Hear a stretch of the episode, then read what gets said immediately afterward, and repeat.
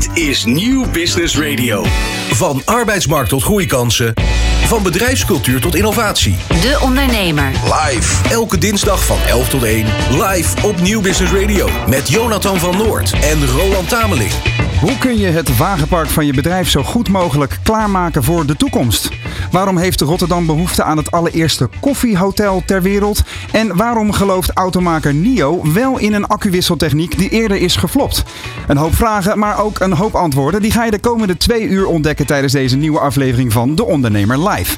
Vandaag eens niet met collega Remy Gieling, die is op innovatiereis in California, maar wel met ons. Mijn naam is Roland Tameling. En ik ben Jonathan van Oort. Goed dat je er weer bij bent, Jonathan. Dat is uh, altijd een, uh, een deugd. De komende twee uur hebben we dus een bomvolle uitzending. Met ook in de studio onze co-host Remco Samuels, de CEO van EV-Box. Van harte welkom, Remco. Dankjewel, dankjewel. Goed dat je er bent. Met een Tesla op de stoep. Daar gaan we straks meer over horen. Want uh, even in een notendop en in een mooie volzin. Wat is wat jou betreft EV-Box? EV-Box is uh, een van de, van de grondleggers zeg maar, van uh, het uh, ja, elektrisch laden. Um, wij bestaan nu inmiddels 12 jaar.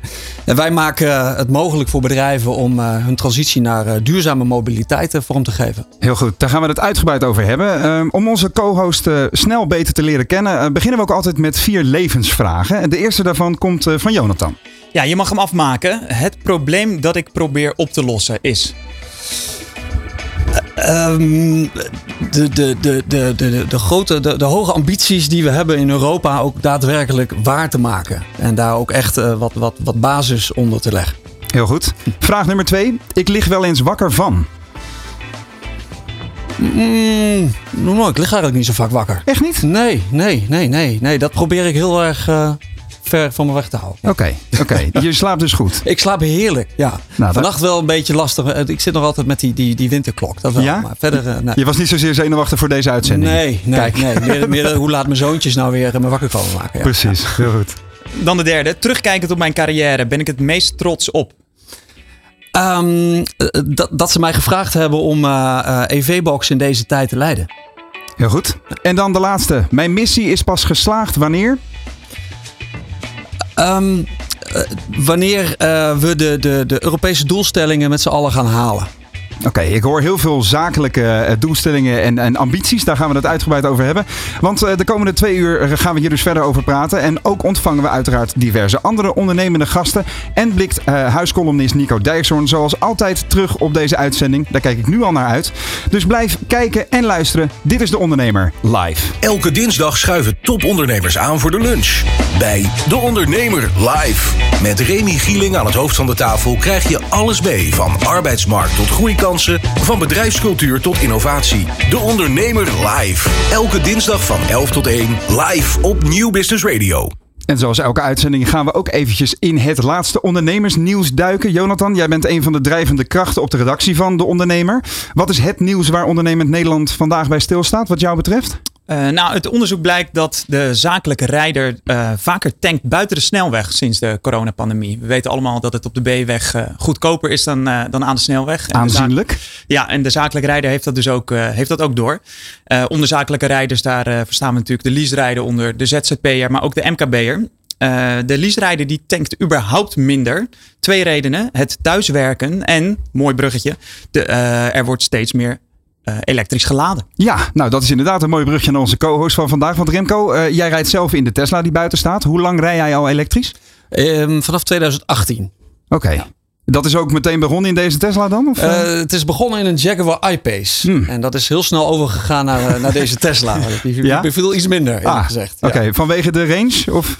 De, de range, het, het laden. Ja. Uh, het was een één-fase lader. Ik, uh, dit is een drie-fase lader. Dus ja. bij de, de, de palen in Nederland gaat deze drie keer zo snel. Precies. Um, en ja, ik vind technisch was, is deze, de, de Tesla toch wel verder. Ja, ja. Hm. Dus nee, dat was voor mij niet een heel groot succes. Maar deze ben ik uh, zeer, zeer blij mee. Ja. ja. En vanuit EVBox zijn jullie dus de, de leverancier, de aanbieder van de laadpaaloplossingen specifiek. Hè? Jullie, jullie zijn niet zozeer aanbieder van de, de la, laadkaarten zelf, hè? Voor de ja, dat, dat kan wel, maar wij focussen ons in eerste instantie op de hardware. hè. Dus wij hebben laadoplossingen voor, voor thuisgebruik, voor eh, eh, bedrijven, hè, Ja. commercial, voor, voor retail. Eh, maar ook snelladen, hè, dus de, de DC-laadpalen. Ja. Ehm, we hebben ook ons eigen softwareplatform. Hè, dus waar je alle laadtransacties mee kunt, kunt managen, om even kortweg te zeggen. Ja. En service en support, niet te onderschatten. wat, wat ook echt een, een zeer belangrijke, maar moeilijke, moeilijke onderdeel is. Mhm. Dus eigenlijk bieden wij het hele palet aan, eh, aan oplossingen voor, eh, voor onze klanten. Vooral dus B2B. hè. Het is B2B2C. Ja, exact. Het is dus wel vooral ook voor de ondernemer die luistert. Hè? Juist, juist. Ja. Heel goed. Daar, eh, daar is een hoop over te bespreken. Want jij kwam in mei 2021 binnen als de, de toenmalig interim CEO van, eh, van EVBox. Hè. Ik zeg de hele tijd maar internationaal EVBox. Want jullie eh, ambities zijn ook heel erg internationaal natuurlijk. Ja, Ehm, en ik ben even benieuwd, als we teruggaan naar dat moment, een tumultueuze tijd bij, bij jullie bedrijf. Een beursgang die was afgezegd eind 2021. Ehm, je, je, je stapte eigenlijk in de rivier terwijl die behoorlijk aan het kolken was. Wat trof je aan toen je daar interim CEO werd? Ehm, nou goed, inderdaad. Ik, eh, ik was daarvoor werkzaam op het hoofdkantoor van onze aandeelhouder. Eh, dat is eh Engie in, Ja. in Parijs. En ze vroegen mij of ik wilde instappen in deze, deze rol.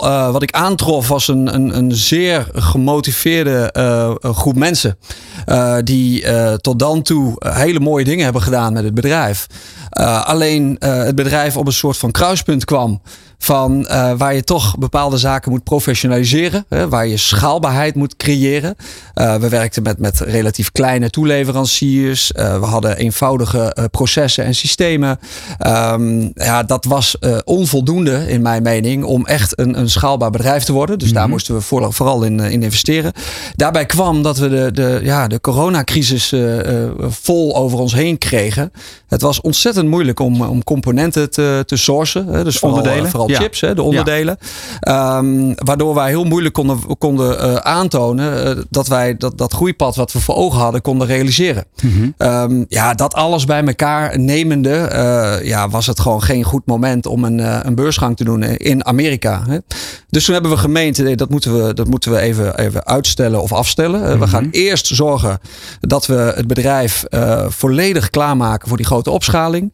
Ehm, en daarna kunnen we verder kijken. Hè. Dus dat, dan moet de aandeelhouder maar zeggen wat ze, wat ze verder willen. Ja, maar de, de headlines waren niet mis, hè, Jonathan? Ik bedoel, eh, toen wij, eh, toen wij even hier indoken in deze Verkeerde geschiedenis. cijfers eh, eh, eh, werden er gekopt, onder andere door het FD. Hoe- Wat, eh, kan jij dat uitleggen wat daarmee bedoelt? Ja, kijk, eh, natuurlijk. Het is altijd. eh, ik, ik zie het ook een beetje als clickbait, eerlijk gezegd. het is natuurlijk mooi om, om, om een, een, een sappig verhaal te presenteren. Ja. En ehm, kijk, ehm, eh, verkeerde cijfers, laten we eerlijk zijn. EV-Box is, eh, is een van de, de pioniers in deze business. Hè. En eh, dat is ook een, denk ik een, een, iets wat, wat veel ondernemers zullen begrijpen. Als je de eerste bent, dan ben je ook de eerste die alles over zich heen krijgt als het eh, even niet zo goed gaat. Wij hebben geen referenties eh, waar we naar kunnen verwijzen om, eh, om, te- om, om te leren. Eh, dus wat wij zagen is dat er bepaalde, eh, ja, vooral snelladers eh, in, de, in het buitenland. Eh, je moet niet vergeten, dat moet ik even, even erbij zeggen. eh EV-Box bestaat sinds 2010. Ja. Wij hebben een, een snellaadbedrijf overgenomen. Dat is eh EV-Tronic. Eh, dat bestaat al sinds 2007. Je je voorstellen, die maken dus eh, snelladers eh, voor langs de snelweg.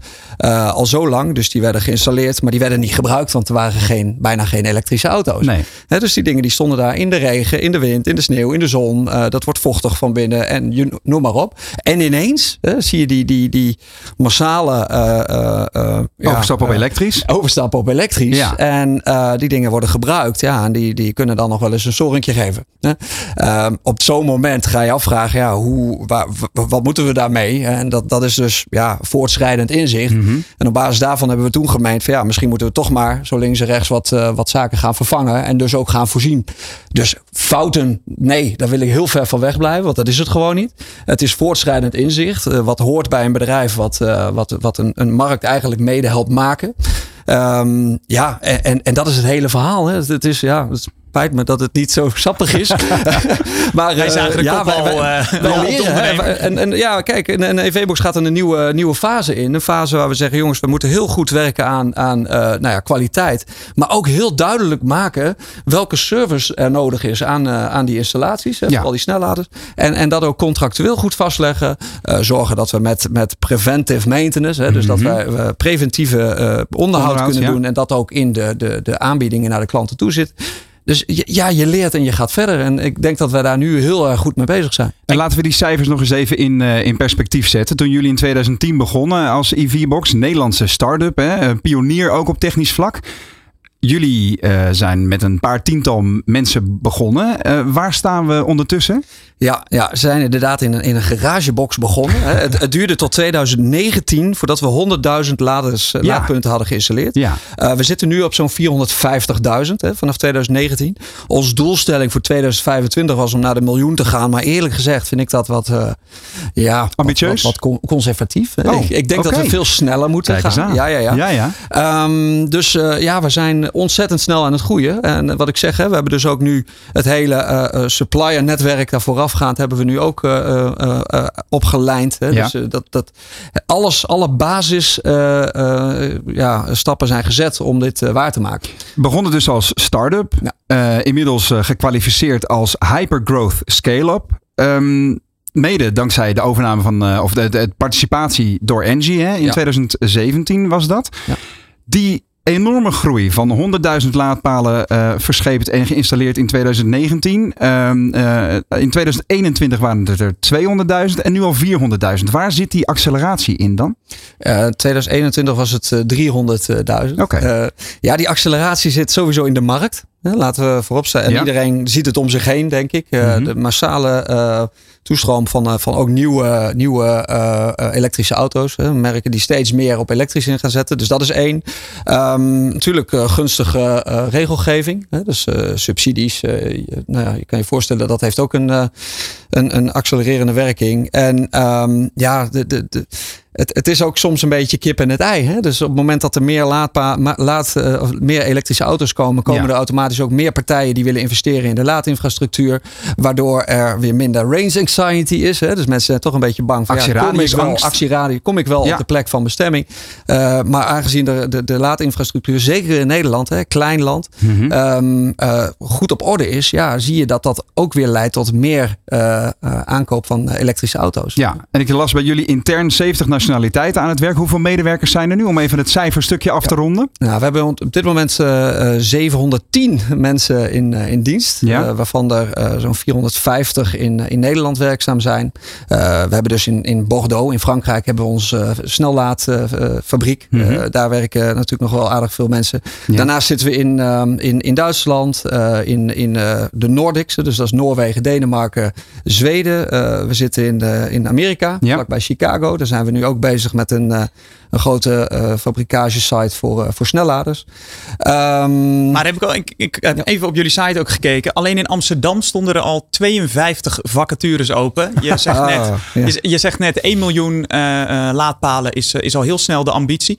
Ehm, waar, waar ligt bij jullie dan de uitdaging? Dat lijkt me dan personeel, maar ook productie. Hoe gaan jullie dat aanpakken?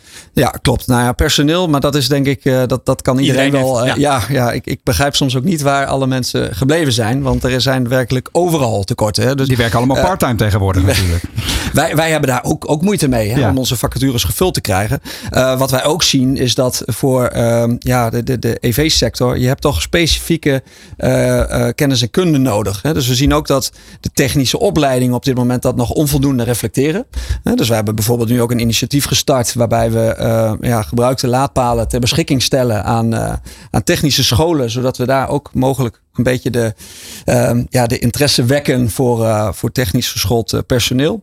Um, verder werken wij met een heel netwerk aan, aan partners. Hè. Dus onze laders voor, voor thuis en, en de, de, werkplek. Mm -hmm. Ja, dat, dat, de manufacturing, met de productie daarvan hebben we helemaal uitge, uitbesteed. snelladers, dat doen we dan zelf in Bordeaux. Nou ja, daar, daar, daar hebben we wel wat tekorten, maar dat is te overzien. Mm -hmm. um, Ja, en de, de grootste uitdaging, heel eerlijk, die ik nu zie, is toch wel een klein beetje de energiecrisis. Um, leg eens uit. leg eens uit. Nou ja, ik, ik, ik sprak ook met de ChargePoint operators. Dat zijn de, de, de partijen die de, de laadpalen exploiteren, publieke laadpalen. Ja. nou ja, noem een, een Allego, een Fastnet. nou ja, Shell doet er ook stevig in mee. Um, ja, die klagen natuurlijk al de, de hoge prijzen die, eh, die ze op dit moment moeten doorberekenen aan hun klanten. Waarbij ja, eh, eh, het verschil met bijvoorbeeld diesel toch wat, wat kleiner wordt. Um, daardoor mensen en, en ook door de hoge inflatie en mogelijk het risico op recessie toch wat terughoudender zijn bij aanschaf van, van elektrische auto's. Ja, dat zou de grote, de snelle opmars kunnen stoppen. Al denk ik dat dat nog steeds een tijdelijk iets is. Hè. En, en nu maar zie je daar bijvoorbeeld een rol voor de overheid in om dat aan te pakken? Uh, ja, kijk, de, de overheid moet doorgaan met het stimuleren van elektrisch rijden. Want anders, dat, dat Fit for 55 bijvoorbeeld, hè, waar ze zeggen we moeten 55% minder CO2 uitstoten in 2030. Uh, dat gaat ze nooit lukken zo. Hè? Dus um, ze moeten wel uh, proberen dit zo gunstig mogelijk te maken. Hè? Want mensen die, die, die kijken uiteindelijk ja, naar duurzaamheid is een hele belangrijke. Maar, maar toch, ook naar, wel eigen portemonnee. naar hun eigen portemonnee. Ja, ja, ja. Over die toekomst, daar wil ik straks graag nog even over door. Maar ik ben uh, ook nog even benieuwd voor dit kennismakingsblokje um, naar de ondernemer Remco Samuels. Want jij, jij kwam binnen als, uh, als vaste CEO inmiddels bij EVBox. Wat is ten eerste jouw persoonlijke ambitie? Je vond het een eer om gevraagd te worden, maar wat zijn je doelen? Um, nou ja, ik, ik zie dus dat uh, um, de, de mobiliteitssector een, een, een, heel groot deel van de van CO2-uitstoot voor rekening neemt. Hè. Volgens mij is het zo'n 20% in Nederland van het totaal. Industrie is nog steeds wel de grootste, maar mobiliteit is, is uh, de nummer twee. Mm -hmm. Daarbinnen is wegtransport, geloof ik, 70% uh, aan te rekenen voor CO2. Ja, ik vind het belangrijk dat we, uh, dat we daar wat aan gaan doen. Uh, ik, heb, ik zei net al, ik heb twee kinderen, ja. drie en tien. Um, ik wil dat zij de, de, de, de, de situatie die we toch met z'n allen een beetje zo ver hebben laten komen, dat ze daar niet de, de nadelen van gaan, gaan onderkennen. Dus mijn persoonlijke drive is uh, om die, die hele mooie ambities die we net al noemen, hè, dat Fit for 55 en in 2050 geloof ik helemaal net zero emission. Dat, dat, is fantastisch. Mm -hmm. um, bedrijven als EVBox die kunnen dat versnellen. Hè, die kunnen daar echt een, een belangrijk steentje aan bijdragen. Ja. Dat, dat, wil ik graag. Dat, dat is mijn ambitie. Um, ik zie het zelfs ook nog zo dat wij de, de, de, de overheid kunnen helpen met regelgeving zodanig toe te passen dat we ook echt kunnen versnellen. Ah, er zijn al heel wat regelgevingen ook doorgebroken. Afgelopen week zelfs nog. Hè? In 2035 verbod op uh, uh, brandstofauto's. Ja. Uh, dat moet koren op jullie molen zijn natuurlijk. Ja, om die doelstellingen niet, te halen. Ja, maar het moet niet alleen maar spierballentaal zijn. Ik vind het fantastisch natuurlijk om dat te lezen. Dan denk ik, nou, dit gaat een, een, een versnelling opleveren. Ja. Maar dan moet het ook wel de, um, de spelregels zodanig gunstig zijn. Dat, dat nou ja, sowieso partijen als EV-Box dat kunnen uh, realiseren. Maar ook uh, de, de, de automobielbedrijven dat uh, kunnen gaan realiseren. Maar wat moet er dan concreet veranderen? Nou, wat, wat ik zie, uh, bijvoorbeeld als we naar Europa kijken. Ik vind dat we het in Nederland helemaal niet slecht doen. Hè? Laat ik dat voorop stellen. Um, en het grappige is, twee weken geleden was uh, Viviane Heijnen ook uh, bij ons op bezoek in, in Amsterdam. En die heb ik eigenlijk hetzelfde gezegd. Ik denk dat we in Nederland heel veel dingen goed doen. qua subsidiëring zitten we niet bij de top van, van Europa. Er zijn landen die daar toch iets, iets, iets ruimhartiger in zijn. Maar goed, we mogen niet klagen. Mm -hmm. Maar het gaat vooral om Euro Europese harmonisatie van regelgeving. Hè? Je moet je voorstellen voorstellen, we hebben een, een, een snellader. We krijgen nu een, een hele mooie nieuwe, een Tronic Modular noemen we die. Uh, die, die begint nu met 240 kilowatt. Dat is toch een klein beetje reclame. Ik wilde net zeggen, we zitten nu al in de promotie. in het reclameblok. Ja, maar, maar goed, ik ga, ik ga je even, als ik je even mag stoppen, want dat gaan we straks even bespreken bij de auto buiten. Maar eerst even iets anders. De Ondernemer. De Ondernemer live. Op Nieuw Business Radio. Ja, als ondernemer heb je een onuitputtelijke bron van bronnen, zal ik bijna zeggen. Hè? Netflix-documentaires, managementboeken, uh, slimme podcasts die over interessante zaken praten. Maar het is ook wel eens een uitdaging om het kaf van het koren te scheiden. En daar is nu een oplossing voor, heb ik mij laten vertellen. Mohi is een digitaal platform waarop je als gebruiker je favoriete managementboek of Netflix-serie kunt delen. En uh, daar gaan we even over praten met Wiebe van de Vijver. Wiebe, je hangt aan de telefoon. Van harte welkom in de uitzending. Dankjewel. Uh, goedemiddag. Of goedemorgen is het nog. Ja, ja, zo is dat. Waarom was Mohi nodig? Ja, uh, goede vraag. Het, het, het, begon meer bij mezelf dat op eigenlijk bij op elke borrel uh, was men wel aan het uitwisselen van heb je dat boek gelezen, heb je die serie al gekeken? Ja. En toen dacht ik van, goh, ik, ik, ik hoor altijd die waanzinnige aanbevelingen. Maar waarom heb ik ze niet eigenlijk overzichtelijk ergens in een app of iets dergelijks?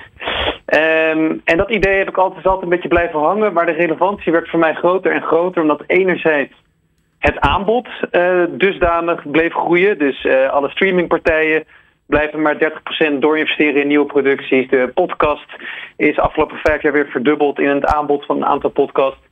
En anderzijds uh, dat ik ook merkte dat ik het gevoel dat er een, nieuw tegengeluid moest komen voor de huidige sociale media. Uh, op Insta, waar het, doorsloeg van allerlei uh, selfies die, die totaal geen reëel beeld scheppen. En Twitter, waar vooral heel veel modder werd gegooid. Dus met Mooi wilde ik ook eigenlijk een, een alternatief bieden dat mensen als ze denken, nou, ik, ik heb een verveelmomentje, in plaats van dat je daarin duidelijk denkt van, ik ga eens eventjes uh, me laten inspireren door uh, content aanbevelingen, dus podcasts, boeken, films, uh, series en meer. En waarom zou ik dan de gebruikers van Mooie moeten geloven dat die podcast en managementboeken mijn tijd waard zijn? Ja, dat is, dat is een, ook een leuke. Kijk, wij geloven, en er is ook onderzoek voor, dat mensen aanbevelingen van bekende uh, meer ten harte nemen dan bijvoorbeeld een algoritme. Ja. Uh, dus het idee van Mo is echt de mens voorop zetten. En dus ook de aanbevelingen van je vrienden, maar ook van curatoren. Dus mensen die mensen hoog hebben uh, zitten. Dat kunnen journalisten zijn, dat kunnen schrijvers zijn. En in dit geval hebben we ook met de ondernemer juist de ondernemers centraal gezet. Te kijken wat zij tippen. Ja, maar dat is een mooi bruggetje inderdaad naar uh, de samenwerking die wij hebben met MOI hè, vanuit de ondernemer. Jonathan, kun jij daar wat meer over vertellen? Ja, klopt. Elke week krijg je van een uh, bekende ondernemer de uh, kijk- en luistertips uitgeserveerd. En daar maken we dan een mooi artikel van met natuurlijk een, een doorlink. deze week was het onder andere Mark de Lange van Ace Tate. Maar we hebben ook Corinne Vigreux van TomTom. Tom. Ja. Uh, dus ja, dat is echt uh, allerlei topondernemers die, uh, die hun tips geven. En dat is wel een heel, heel handige tool ook om te zorgen dat je in die, ja, het is toch een soort content lawine bijna. Hè? Dat je, en je wil heel veel meemaken, je wil heel veel, oh, eigenlijk overal van op de hoogte zijn, zou ik bijna zeggen. ik kijk even naar onze co-host, Remco. Hoe scheid jij het kaf van het koren in al dat aanbod? Nou, ik, ik had wel interessant, want je benoemt uh, Instagram, Facebook. Hè, dat, dat gebruik ik eigenlijk niet. Uh, ik gebruik wel LinkedIn ja. veel en, en in mindere mate Twitter. Maar LinkedIn vind ik toch wel een stuk ja, professioneler. En daar haal ik best wel veel, veel uh, informatie vandaan toch. Ja. Dus is, is het, hoe is de vergelijking met, met zo'n platform? Wiebe? Ja, nou ja, LinkedIn het is grappig dat um, dat opbrengt. Ik denk dat LinkedIn, moet zeggen dat zij de afgelopen twee jaar echt indrukwekkend geïnvesteerd hebben in inderdaad ook uh, die daar hun kennis delen. Um, en eigenlijk willen we dat ook juist meer naar mooi trekken. Zo zijn we met een aantal mensen die op LinkedIn uh, dat soort informatie delen. Zijn we ook mee in gesprek of niet ook dat uh, op mooi juist willen delen. En ik denk het grote voordeel waarom uiteindelijk mooi aantrekkelijker is als je, als je daar op zoek naar bent, is dat LinkedIn ben je aan het struinen tussen alle enorme zelfreclames. uh, ik ben ontzettend trots op mijn promotie, onzin. Ja. Terwijl uh, met Mooi willen we eigenlijk het platform zijn wat puur sec over het informatie delen van, van goede artikelen en goede content en goede informatie. En Wiebe, dankzij jou hebben we dus uh, kunnen uh, lezen wat de tips zijn van, van topondernemers. als je die nou eens even langs de meetlat legt, wat valt je dan op? Ja, het is, het is verschillend. Dus, dus wat leuk is, ik heb ze ook expres hebben ze vrijgelaten van um, um, of het meer werkgerelateerd is of uh, meer persoonlijk. Dus het is leuk als je een beetje erheen baat dat je allerlei uh, verschillende aanbevelingen krijgt, ontvangt. Ik vond het ook leuk om een bekende te zien. Is bijvoorbeeld um, Sandra van Bees van de Social Handshake. Zij adviseert uh, de tegenliggende documentaire Trust Me, I'm a Journalist. Ja. Toevallig heb ik die zelf ook uh, onlangs aanbevolen. Het fantastische uh, één uur durende documentaire van een New York, Nederlandse New York Times journalist... die laat zien hoe belangrijk het is om met alle open source data... Um, te kijken naar, naar, naar, het ware verhaal achter de journalistiek. Um, wat me opvalt, wat op zich interessant is om te zien... dat de meeste hebben allemaal... Het zijn natuurlijk allemaal behoorlijke tech-ondernemers. Ik kom zelf ook uit de techhoek, dus dat was ook uh, waar, waar dit vandaag ook in ziet, ook inderdaad in de content dat er behoorlijk wat tech-gerelateerde uh, aanbevelingen voorbij komen. Als gebruiker, moet ik er iets voor betalen of uh, is het gratis? Nee, het is gratis. het idee is altijd geweest dat dat op dit moment met, aan de hand van een investering op zoek gaan echt naar het flywheel om de gebruikersaantallen te laten, door te laten groeien. Ja. En daar hebben we een rekenmodel op losgelaten dat als we de 100.000 plus bereiken, dan moeten we daar ook een goed verdienmodel aan kunnen koppelen. En hoeveel heb je er nu? We hebben nu een aantal duizend. Oké. En wat heb jij dan zelf als tips al online gezet? Uh, veel. Ik zag volgens mij laatst dat ik er uh, 150 over het afgelopen anderhalf jaar. Dus uh, nou, okay. reken maar uit. Ja. Uh, ik denk voor, voor ondernemersgerichte of geïnteresseerde mensen heb ik recentelijk de waanzinnige Netflix-docu Scandal, heet die. Scandal, en, en dat gaat over de Wirecard implosie. Ja. waarbij je fantastisch ziet, niet alleen over hoe het schandaal van Wirecard opgezet is en hoe groot het wel niet was en hoe ver dat gaat tot, tot in de diepste politieke wortels. Maar je ziet ook aan de andere kant het waanzinnige doorzettingsvermogen van de onderzoeksjournalisten die, die, uh, die hier uh, zijn tanden in hebben gezet. Ondanks dat natuurlijk de allerbeste advocaten geprobeerd hebben om, om het tegengeluid te geven. En dan zie je dus hoe uiteindelijk ja, Wirecard uh, toch tegen, tegen de lamp is gelopen en hoe dat vervolgens uh, in elkaar stort. Echt een fascinerende documentaire. Heel goed. Nou, uh, willen we meer weten over wat de beste tips zijn op het gebied van managementboeken, podcasts en andere um, ja, Netflix-series onder andere, dan is het dus de moeite waard om even in Mohi te duiken. M-O-H-I. En je leest er ook veel meer over op deondernemer.nl. Want elke week zie je daar dus de kijk, leester en luistertips uh, kijk, lees en luistertips moet ik zeggen van topondernemers. Dat is zeer de moeite waard. Wiebe van de Vijver van Mooi, dankjewel voor deze uitleg. Selfmade in Holland van Webhelden en de Ondernemer, powered bij Atjan en Klarna. Je hebt het gemaakt met je zaak. En nu, luister en leer van de eigenaren van My Jewelry, Ticketswap en Fabienne Chapeau. Elke dinsdag bij Nieuw Business Radio. Meekijken? Ga naar de ondernemer op YouTube. Meer weten? Ga naar webhelden.nl. Dit is De Ondernemer live op Nieuw Business Radio. Ja, we hadden het net even over het vinden van de juiste bronnen voor informatie. Voor ondernemers onder andere. In, in gesprek met Wiebe van der Vijver van MOI. Een app die helpt om het kaf van het koren te scheiden. Daarover gaan we ook even doorpraten met onze co-host van vandaag. Remco Samuels, de CEO van EVBox. Um, Laten we het eens zo stellen. Waar haal jij jouw wijsheden vandaan? Um, nou om te beginnen, ik heb de app Mooi zojuist maar even gedownload. uh, dus ik, ik, ga daar hopelijk veel wijsheden vandaan halen. Meteen handelen, um, ja. Ja, twee. Natuurlijk, ik, ik, um, het voordeel van het onderdeel zijn van een heel groot concern is dat je overladen wordt met, uh, met studies, hè, marktstudies, uh, ja. strategische oriëntaties, uh, you name it. Heel veel informatie ook over competitie. Um, dus dat is fijn. Hè. Ik heb alleen altijd geleerd van een, een, heel verstandig persoon waar, waar ik veel mee gewerkt heb. Die zeggen als iedereen luistert naar dezelfde strategieconsultants, dan gaat iedereen hetzelfde doen en moet je juist daar buiten zijn. Hè. Ja. Dus, dat is één. Dus, maar hoe doe je dat dan in de praktijk? Om dat meteen gevoel, toch? Ik bedoel, okay. je, je moet natuurlijk, je moet je, jezelf goed inlezen. Hè? Dus Mhm. je moet zorgen dat je de markt goed begrijpt, weten wat je competitie doet. Maar je moet ook vooral, denk ik, vertrouwen op, uh, op je gevoel. En ik denk echte ondernemers daardoor uitblinken en niet volgen wat, wat anderen hen, hen, hen vertellen. En op persoonlijk vlak spreek jij bijvoorbeeld met een mentor of spar jij met iemand? Uh, ja, dat, dat, heb ik. Ik heb uh, mentoren gehad. Uh, vooral in, in Parijs trouwens. Dat was wel heel grappig. Dat, dat, sowieso ging dat over cultuurverschillen. Maar um, ja, ik, ik heb altijd wel de mogelijkheid gehad om. Um, ik heb coaches gehad, et cetera. Dus, maar gehad? Nu, nu niet meer nu, nodig? op dit moment niet. Maar ik heb natuurlijk wel ook mijn, mijn leidinggevende. En, en een heel netwerk aan mensen die op alle onderdelen van ons bedrijf expert zijn. Dus ik, ik, ik kan overal terecht met mijn vragen binnen, binnen onze organisatie. Maar je geeft net aan een heel slim persoon waarbij je je oor te luisteren legt. Dat is dus iemand die als, een, als, een ware, als het ware een soort mentor geweest is voor je. Ja, Hoe heb je die ja. persoon dan um, nou ja, verkozen tot, tot degene waarvan jij uh, zijn, zijn reacties of, of tips aanneemt? Ja. Um, nou, dat was mijn leidinggevende. Dat was mijn leidinggevende sinds uh, 2009 zo'n beetje. Dus daar heb ik uh, een jaar of zes mee samengewerkt. En um, Ja, ook dat ontstaat op, op gevoel. Hè? Is, iemand, eh, is dat iemand die, die, die, die je begrijpt? En is dat iemand die je uitdaagt, die je challenge, die, die je continu uh, nieuwe inzichten probeert te geven? Mm -hmm. um, niet zozeer iemand die, uh, die je voorschrijft wat je moet doen. Hè? Dus dat, dat gaat op, op vertrouwen, gevoel. Je creëert een, een, een, een innige band met iemand. Ja. En, um, en ja, ben je dat nu misschien ook voor een, een persoon onder jou? Ja, hoe doe je dat zelf inderdaad? Uh, ja, dat probeer ik ook te zijn. Dus uh, een van de dingen, we hebben ook uh, zo'n beetje een volledig nieuw managementteam sinds nou, een jaar en anderhalf jaar max. Ja.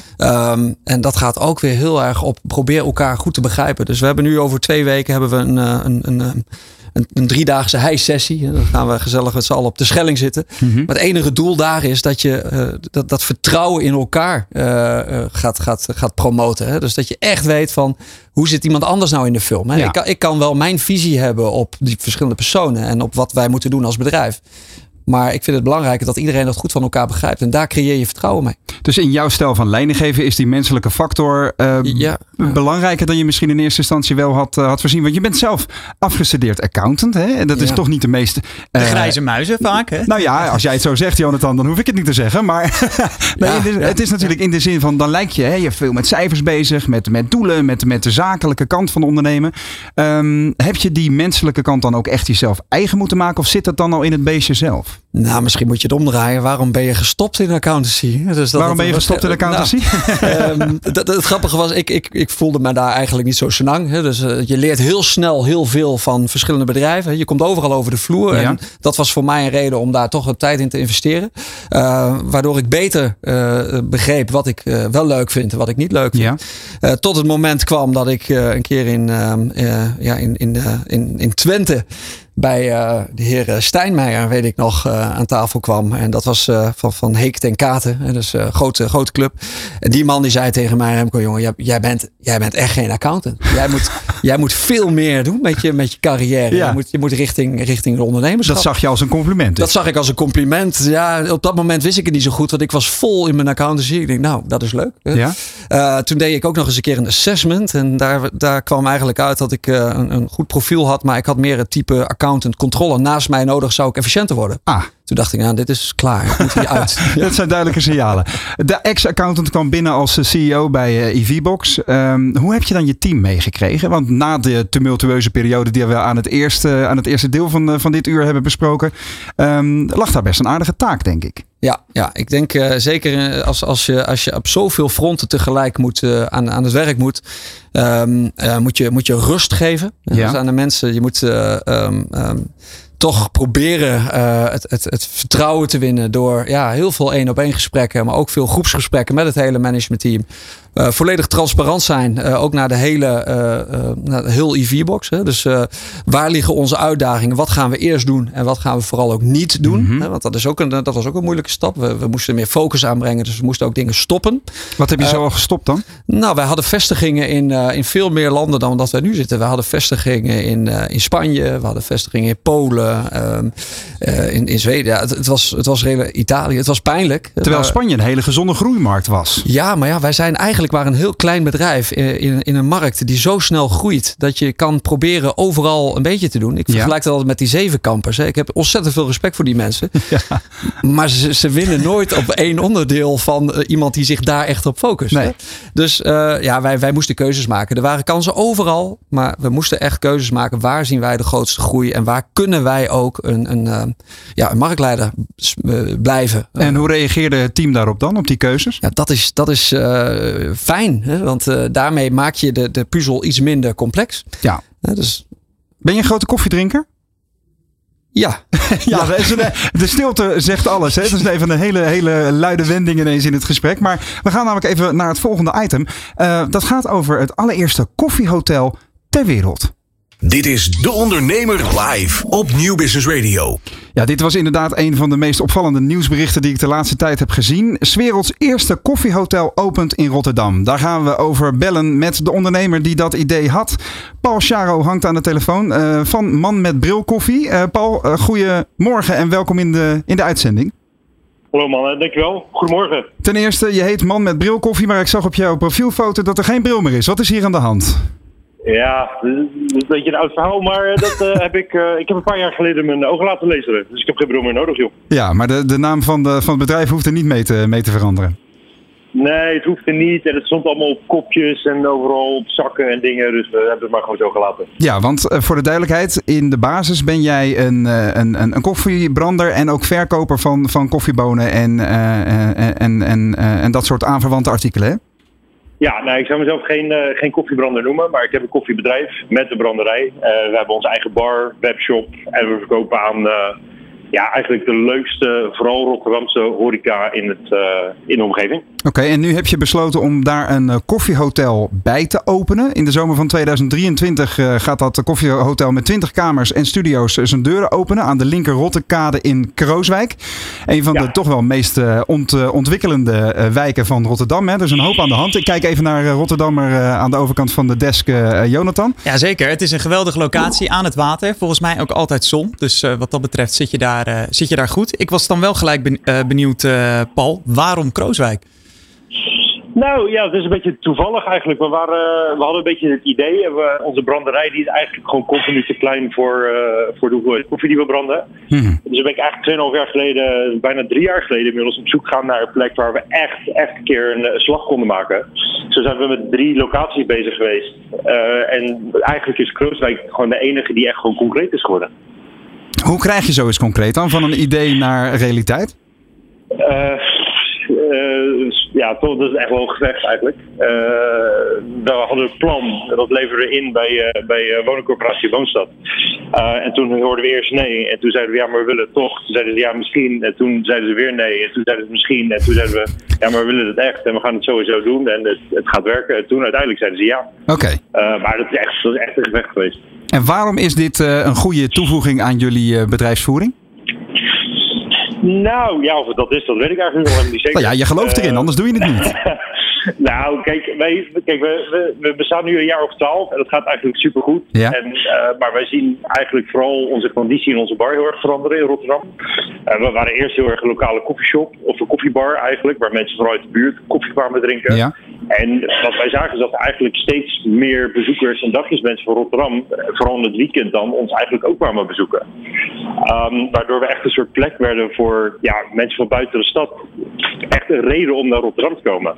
En meer vanuit een soort hospitality idee leek het mij gewoon interessant om te kijken van hey, kunnen we die mensen eigenlijk eh, niet wat langer bij ons houden en, en dat we daar eigenlijk ja, echt een eh, wat langer verblijf aan koppelen. Zo op het moment Nou dat je de mensen toch binnen ja. hebt, dan, dan kun je ze net zo goed wat langer houden.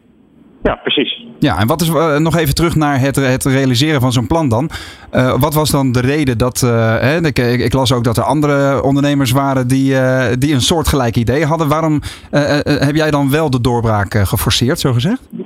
Nou, volgens mij zijn er helemaal geen andere ondernemers die een soort gelijk idee hebben. Volgens mij vergis je in een verhaal dat iemand ook een soort B&B in de buurt wilde openen. Ja. En dat is volgens mij nog niet gelukt. En dat heeft vooral te maken met dat je geen eh, sociale huurwoningen over mag nemen eh, om daar bedrijven te vestigen. Dat is gewoon wetgeving. Ja. Eh, volgens mij is dat de reden dat dat niet is doorgegaan. Maar het was, Ehm, ik, ik, las bij het AD dat het letterlijk. Ik las bij het AD dat het letterlijk hetzelfde idee was in zekere zin. Hè? Dat tenminste een, eenzelfde wens. Ehm, Nee, hoor, dat heb je denk ik verkeerd gelezen. Dat is helemaal niet zo. Oké, nou goed. Want dit, want dit idee is wel degelijk uniek. Ja. Eigenlijk het meest unieke aan het idee is dat wij eigenlijk een manier creëren waar we ook een verblijf voor personeel, of een soort coffee residencies creëren. Dat is heel uniek. Ja. En dat heeft eigenlijk nog nooit iemand gedaan. Nou ja, ik lees inderdaad eh, dat eh, ondernemer Linda Wubbe een, een, eenzelfde idee eh, ongeveer had. Maar het heeft geen zin om, om te, te heen en weren en te ja en neeën. Want ik ben vooral benieuwd naar, naar de positieve kant van het verhaal. Hoe jij, hoe jij daadwerkelijk dit, dit van de grond gaat krijgen. Want ik lees ook, hè, de, je man met bril koffiehotel gaat straks alles bij elkaar brengen. Een branderij, een koffiebar, vergaderruimtes, sportmogelijkheden, een restaurant, een terras. Ja. En dus hotelkamers en studio's. Ehm, maar ik lees ook, en dit was wel een, een beetje een jeukzin als ik heel eerlijk ben. De internationale Ja. community wil je vergroten. De koffiecommunity wil je vergroten. Door de beste barista's en branders naar het hotel te halen. Zodat ze kennis kunnen uitwisselen en vergroten. Wat is daar de gedachte achter? Ja, nou dat is eigenlijk, dat vind ik best wel een tof idee eigenlijk. En dat vind ik echt wat het, wat het echt een heel uniek idee maakt juist. Ja. Ehm, kijk, ik hoorde Jonathan net al zeggen dat eh, Remco in, in Amsterdam al, eh, wat is het, 51 vacatures open heeft staan. Ehm, en als ondernemer heb je eigenlijk ook best wel een goede marketing nodig tegenwoordig om gewoon personeel binnen te krijgen. Mhm. Um, en dat lukt ons eigenlijk al best wel lang heel goed. Om echt goede, interessante koffiemensen naar ons toe te krijgen. Maar we willen daar een stap in maken. Dus we willen daar echt een soort hub voor creëren om te kijken of we nou echt de beste van de wereld naar ons toe kunnen krijgen. En ook op deze manier dus eigenlijk interessant blijven voor lokale barista's om bij ons te komen werken. Oké. Remco, wat is Dus jouw gevoel hierbij? Ehm, ja, het, is een heel interessant idee. Ik, ik ben daar eh, niet zozeer in thuis. Hè, dus, eh, ik- Nee, maar meer de gedachte achter het ondernemen, zeg maar, dat je, dat je dus een hub opent om inspiratie uit andere landen en andere gebieden naar, je toe, naar jezelf toe te krijgen. Om dat als voorbeeld en voordeel dus te kunnen inzetten voor je onderneming. Ja, ja, goed. Kijk, ik, ik, ik juich alles toe wat, ehm, wat, wat juist extra veel kansen geeft om mensen hier naartoe te halen. Ja. Dus wij hebben dat natuurlijk ook. Wij, wij proberen dat voor heel veel nationaliteiten ook heel interessant te maken. Kijk, de fiscus helpt daar ook aan mee, maar wij, eh, wij ook. Hè. Wij, we zitten in eh, een heel goed gebied in, eh, in Amsterdam. Ehm, en wij proberen ook ja, vooral op, op de techniek mensen naar ons toe, toe te krijgen.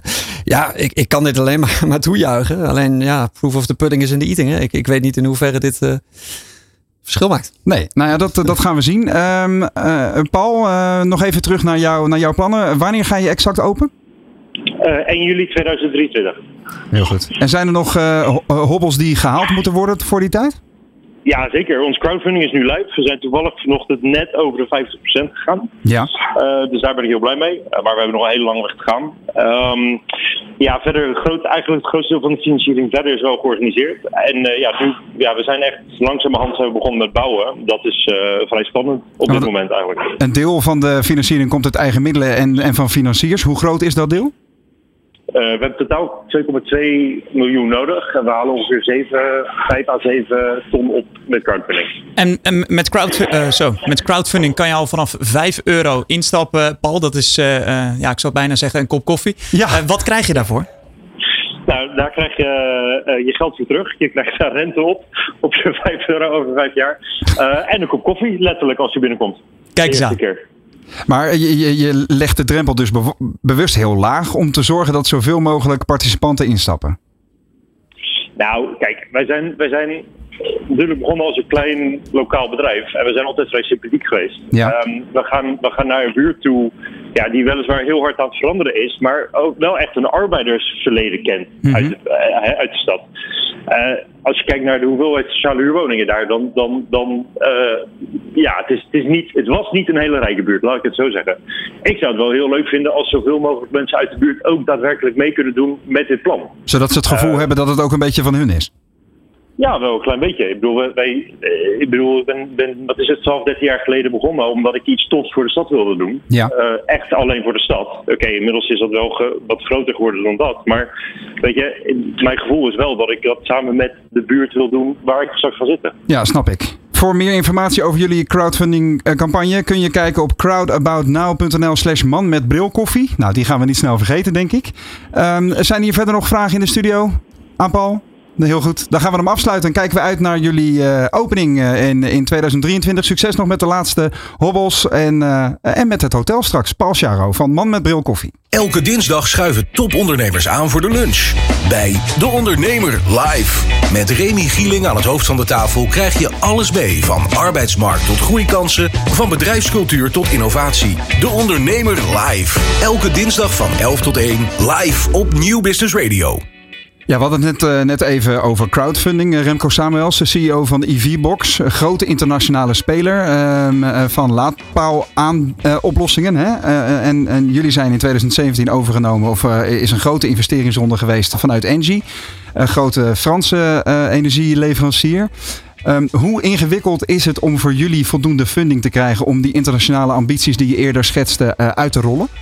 Ehm, nou, ik, ik, we mogen niet klagen. Hè. Dus eh Engie heeft natuurlijk eh, ook, ook aangegeven bij de vorige poging, zeg maar, de, de, de, om, om het eh, naar de beurs te brengen, dat zij hun belang willen afbouwen. Dat is natuurlijk nooit goed als je heel veel wil investeren. Eh, maar Engie eh, maakt het ons zeker niet, niet heel moeilijk. We hebben tot nu toe alle funding gekregen die we nodig hebben. Ehm, eh, dus ja, wij, wij, wij, wij mogen ons eigenlijk wel heel gelukkig pri- prijzen daarmee. En dat kenmerkt zich, dat, dat wordt natuurlijk bere- eh, geregeld omdat wij eh, nog steeds meer waarde creëren. Dus eh, er gaat natuurlijk veel funding in. Mhm. Eh, maar ja, dit bedrijf groeit zo ontzettend snel. eh, dat zolang je meer waarde creëert dan dat je de funding instopt, eh, zal een aandeelhouder daar niet heel moeilijk over doen. Nee. Hoe onmisbaar is de beursgang straks? Eh, helemaal niet onmisbaar. Nee? Nee, nee dat was een, eh, een hele mooie opportuniteit en dat, eh, dat is eh, geprobeerd. Maar eh, nee, we gaan, we gaan verder. Er zijn eh, heel, veel, eh, heel veel mogelijkheden. En totdat wij eh, zelf een heel goed gevoel bij hebben dat we maximale waarde kunnen hebben gecreëerd, eh, hebben wij, eh, kunnen wij leunen op een hele financieel gezonde aandeelhouder. En wellicht is het dan ooit nog een keer een geval dat hij alsnog naar de beurs gaat. Dat, ja, dat weet ik niet. Dat Zeg nooit niet nooit. Dat is, zegt nooit nooit, maar dat is niet aan mij. Hè. Dat is aan de, de slimme mensen in, eh, in Parijs. Zullen we eens even in de hardware duiken? Want jij hebt je Tesla natuurlijk niet voor niets eh, voor de deur gezet. Nee, ja, dat kan. Ja? Zullen we naar buiten gaan? Ja, neem jij Ja. je sleutel van je auto mee, eh, Jonathan? Als jij hem even volpraat, gaan wij even naar buiten en dan zie ik je zo weer. Ja, ik draai me dan, eh, dan eventjes om. Daar staat inderdaad keurig recht geparkeerd een eh, Tesla, elektrisch model natuurlijk. Eh, en eh, Roland en Remco, RNR, die lopen er nu naartoe. Eh, in de Tesla, daar ligt als het goed is de nieuwste eh, laadoplossing van EV-box. Even kijken, is die daar, Roland? Hij heeft zijn, eh, zijn spulletjes om en loopt nu naar buiten. Hoor je mij? Ik hoor jou, Roland. Kom er maar in. Inderdaad, we staan hier op de studio. op de stoep voor de studio, moet ik heel eerlijk zeggen. Ehm, naast mij de CEO van EVBox. En voor ons zijn Tesla Model S. Met in de achterbak, Remco, als ik me niet vergis. eh een van jullie eh, laadpaalproducten. Oh, en nog veel meer. Kijk maar eens even mee. Ja, ik, ik, ik zei, ik leef zo'n beetje vanuit de auto. Ik ga dit, eh, dit weekend nog mountainbiken. Dus eh, die heb ik alvast meegenomen. Eh, business and pleasure in, eh, in één zie ik al. Ja, ja, en een regenjas. hè. Het wordt slecht weer. Maar ook inderdaad onze nieuwe eh, laadpaal voor, eh, eh, voor thuisgebruik. Zou je hem er even uit kunnen pakken? Ja, zeker. Want er wordt eh, inderdaad eh, tussen de mountainbike, die keurig is, eh, is opgeborgen in de Tesla met de achterbank neer, ligt dus de, het, het, het nieuwste product. Dit is de Livo, hè? Dit is de Livo, inderdaad. Dus dit is een, eh, een lader voor thuis eh, voor, voor 11 of 22 kilowatt. Dus die kan laden nou ja, tot, eh, tot zo'n 100 kilometer per uur. Dus dat is best, best veel. Wat is dan het nieuws aan, aan dit ten opzichte van de andere producten die we al op zoveel plekken zien Ja. van EVBox? Nou, ik denk dat we heel duidelijk een, een onderscheid moeten maken tussen de, de eerste fase van elektrisch laden. Wat was een beetje dom laden. Hè? Dus je doet je stekker erin en hij begint. Dit is een, een, een, een slimme laadpaal. Hè? Dus eh, deze kan, eh, ja, dat noemen we dynamic load balancing. Dus die kijkt naar de beschikbaarheid van energie in het huis. En afhankelijk daarvan laat hij eh, de auto. Eh, deze heeft eh, over-de-air updates. Eh, dus we kunnen alle nieuwe features die er mogelijk komen in de toekomst. Die kunnen we hier makkelijk in, in kwijt. Hè? Denk aan plug and charge. Denk aan ja, vehicle to grid, hè, zoals ze dat noemen. Dit zijn even heel veel interne codes. Plug and charge wil eigenlijk zeggen dat je aankomt met je auto, je koppelt hem aan de laadpaal, je hoeft niet meer je pasje er tegenaan te houden. Die auto en de laadpaal regelen het allemaal zelf. Dynamic load balancing is dus inderdaad, je koppelt je auto aan eh, je huis bijvoorbeeld en die regelt samen met het energiesysteem van je woning of van je bedrijfspand dat die auto op de optimale momenten geladen wordt.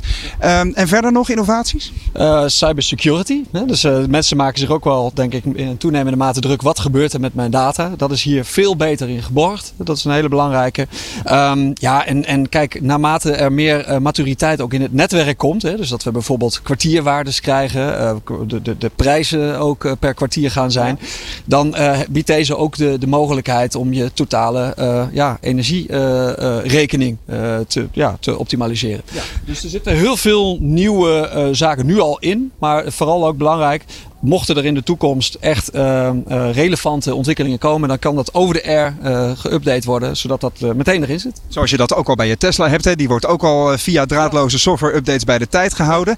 Ehm, laten we eens even uitzoomen naar wat er nog meer aan hardware ehm, is ontwikkeld voor de type klanten die jullie hebben. Want wat zijn voor jullie nou de belangrijkste klanten? Zo'n zo'n zo'n eh, Livo laadpaal die nu achterin ligt, die is vooral voor de particuliere klanten. Eh, waar is eh, zakelijk zakelijk Nederland naar op zoek, wat jullie betreft? Nou, zakelijk Nederland is op zoek naar voldoende laadpunten voor hun personeel. Hè, dus aan de, aan de kantoren. Uh, zakelijk Nederland wil ook graag laadpleinen. Hè, want er zit een verdienmodel in natuurlijk. Hè, de handel in de, de elektriciteit. dus dat kan bij, uh, bij winkelcentra zijn. Uh, maar ook snelladers langs de snelweg bijvoorbeeld. Ik denk dat er steeds meer hubs gaan komen. bijvoorbeeld ook bij winkelcentra met snelladers. Um, ja, en dat is een, dat is een verdienmodel aan zich. Hè. Dus je kan handelen in de, in de energie die je daarin uh, verbruikt. En we weten al met z'n allen ja, dat er steeds meer elektrische auto's gaan komen. Dus ja, ik, ik zie hier uh, ontzettend veel kansen voor, uh, voor ondernemers om ja, extra waardestromen te gaan genereren. Ja, maar in principe zijn jullie ook meer een, een technologiebedrijf dan een hardwarebedrijf, zou je kunnen zeggen. Hè? Want alles wordt in Nederland ontwikkeld, heb ja, ik me laten vertellen. ja, wij ontwikkelen alle, alles zelf. Hè? Dus wij hebben ook het intellectual property. dat, dat is allemaal van ons. totdat wij iets ontwikkeld hebben, dan doen we dat voor de AC. Hè? Dus dat is thuis en op het werk. Hè? De, de wat kleinere palen. Dat hebben we dan uitbesteed aan echte grote productiebedrijven die dat, die dat ook op schaal kunnen. Mm-hmm. En op DC, dus de, de, snelladers, dat doen we dus uh, helemaal zelf. Hè? Dus daar ontwikkelen we, maar we bouwen ze ook. En het hele palet, dat is van ons. Dus, dus wij hebben alles, zeggen we altijd, van 3,7 kilowatt tot aan, nou ja, heel snel in 2023 tot 400 kilowatt. Ja, ja. En alles wat daartussen zit. In hoeverre is zeg maar, die, die, die snellader die nu langs de snelweg staat, maar ook bij uh, de Lidl, de Albert Heijn, zijn allemaal partijen die dat soort uh, voorzieningen aan hun klanten gaan aanbieden. In hoeverre is dat nou de toekomst? Ik geloof heel erg, dat, dat noemen wij met een chic woord destination charging. Dus stel je voor, jij, je gaat naar een winkelcentrum, je staat daar een half uur en je kan je batterij tot 80% vol krijgen. Ik denk dat daar een goed verdienmodel in zit. Zeker voor mensen in de stad, die, die publieke palen. Er staan er twee en er rijden 20 auto's. Ja, je kan nooit laden of je moet geluk hebben. Hè? Je hebt niet thuis een oprit met een laadpaal. dan gaan dat soort oplossingen gaan, gaan interessant worden. Ook uh, op het werk. Hè? Dus je kan op je werk laden, je kan bij de supermarkt laden, je kan in een restaurant, bij een restaurant laden. Mm -hmm. Overal kun je heel snel je auto tot, uh, zonder dat je thuis uh, je eigen laadpaal hebt. Um, dat is interessant. Daarnaast, ja, kijk naar de snelwegen, kijk naar Fastnet. Hè? Heel indrukwekkend hoe snel zij eigenlijk overal die stations hebben, hebben neergezet. Ja. Dus in Nederland hoef je niet zozeer meer bang te zijn dat je niet kan laden. En over oplossingen gesproken, is een mooi bruggetje naar de auto die straks hier op de stoep staat. Want hier staat nu een Tesla Model S, maar daar staat een NIO ET7. Dat is een uh, concurrent van de Model S van Chinese makelij. En bij NIO geloven ze niet zozeer in alleen snelladen, maar ook in batterijwisselstations. Dus dan kom je niet bij een van jullie laders aan, maar bij een stationnetje waar je een nieuw vers geladen accupakket krijgt in je auto. Wat is jouw uh, gevoel daarbij? Um, ja, kijk, ik, ik heb zelf niet de business case gezien. Hè, laat ik dat voorop stellen. Maar ik denk heel eerlijk, mijn, mijn persoonlijke visie is dat uh, het, laden gaat steeds sneller. Hè? Dus je kan eigenlijk een kop koffie drinken langs de snelweg en hij zit weer 80% vol. Um, dus ja, hoe lang duurt het swappen van zo'n batterij? En wat zijn de kosten daarvan? Hè? Dus uh, ik, ik ben wel heel erg benieuwd naar die business case. Ik, ik, zal, ik sluit niks uit. Sterker nog, ik ben blij met alle innovaties die er komen. Hè? Want ja. dat maakt de markt. En daardoor gaat de markt nog sneller. Ik vind het ook een hele mooie auto trouwens. Uh, ja, ja, mooier dan deze eigenlijk. Um, ja, straks meer over de NIO ET7. Want die komt straks in de ondernemer onderweg hier op de stoep. Um, maar uh, de, qua regelgeving gaat er ook heel veel veranderen. Hè? Want de Europese Unie heeft aangekondigd dat het doel wordt om zo'n beetje elke 60 kilometer in Europa een laadpaal neer te zetten. Een gouden toekomst lijkt me. Jazeker. Ja, ja, we zijn heel blij met, met die ontwikkelingen. Uh, het enige wat ik daarbij wil zeggen is dat het wel harmonisatie moet komen binnen Europa. Hè. Uh, wat ons nu tegenhoudt om nog sneller uh, veel producten in de markt te zetten, is dat wij altijd voor elk land aparte laadpalen moeten produceren. Aparte features. Hè. Dus in Frankrijk willen ze een snellader, maar daar moet ook een AC-socket in. In Engeland mag die maar twee meter hoog zijn. In Duitsland moet die eigen compliant zijn, wat heel goed is, maar in andere landen is dat weer anders. Ja. Waardoor je dus heel veel tijd kwijt bent in al die verschillende modellen, maar niet echt heel snel kan doorpakken in die, uh, die, die acceleratie van het, het, aantal stations in de, in de markt. Waar loopt dat nu spaak dan? De, de lobby is nog duidelijk niet klaar. Nee, nee, de lobby is niet klaar. Maar ik denk ook, wij hebben heel veel moeten leren. Daar hadden we het net al even over. Maar ik denk ook de regelgever, de, de, de, de Europese Unie moet ook heel veel leren. Ja. dus wij proberen ze ook daarin te helpen. Van wat is nou regelgeving die echt die versnelling mogelijk maakt. Dus we hebben in Brussel hebben we een, een alliantie met alle, alle sectorgenoten. Charge Up Europe heet dat. Zoek maar eens op op LinkedIn, binnenkort op MOI. Um, heel interessant. Uh, waarbij we proberen uh, ook de, de Europese Unie te helpen om die regelgeving te harmoniseren en echt eh, in het voordeel te laten zijn van uiteindelijk de leaserijder. Of de, sorry, de, de EV-lader. Wat nu op dit moment nog steeds veel leaserijders Nou, ik wilde net zeggen, voor de ondernemer in algemene zin is harmonisatie überhaupt een goed, eh, goed punt natuurlijk. Eh, aan jou het vriendelijke verzoek om je Tesla even van de stoep af te laten rollen. Gaan wij rustig door naar eh, Jonathan in de studio. En straks in uur 2 staat hier dus de NIO ET7. En gaan we ook doorpraten met Remco Samuels, de CEO van EVBox. Dankjewel Remco. Ja, dat waren eh, Roland en Remco over de nieuwste laadpaal voor thuisgebruik, de Livo. Eh, ging het nou te snel voor je, dan zijn eh, Roland en Remco natuurlijk ook gewoon terug te zien op YouTube. Wat krijgen we het volgende uur? Dan gaan we onder meer met de KVK Innovatie Top 100 eh, aan de haal. Twee finalisten zijn hier en die vertellen waarom zij toch wel het meest innovatieve bedrijf van Nederland zijn.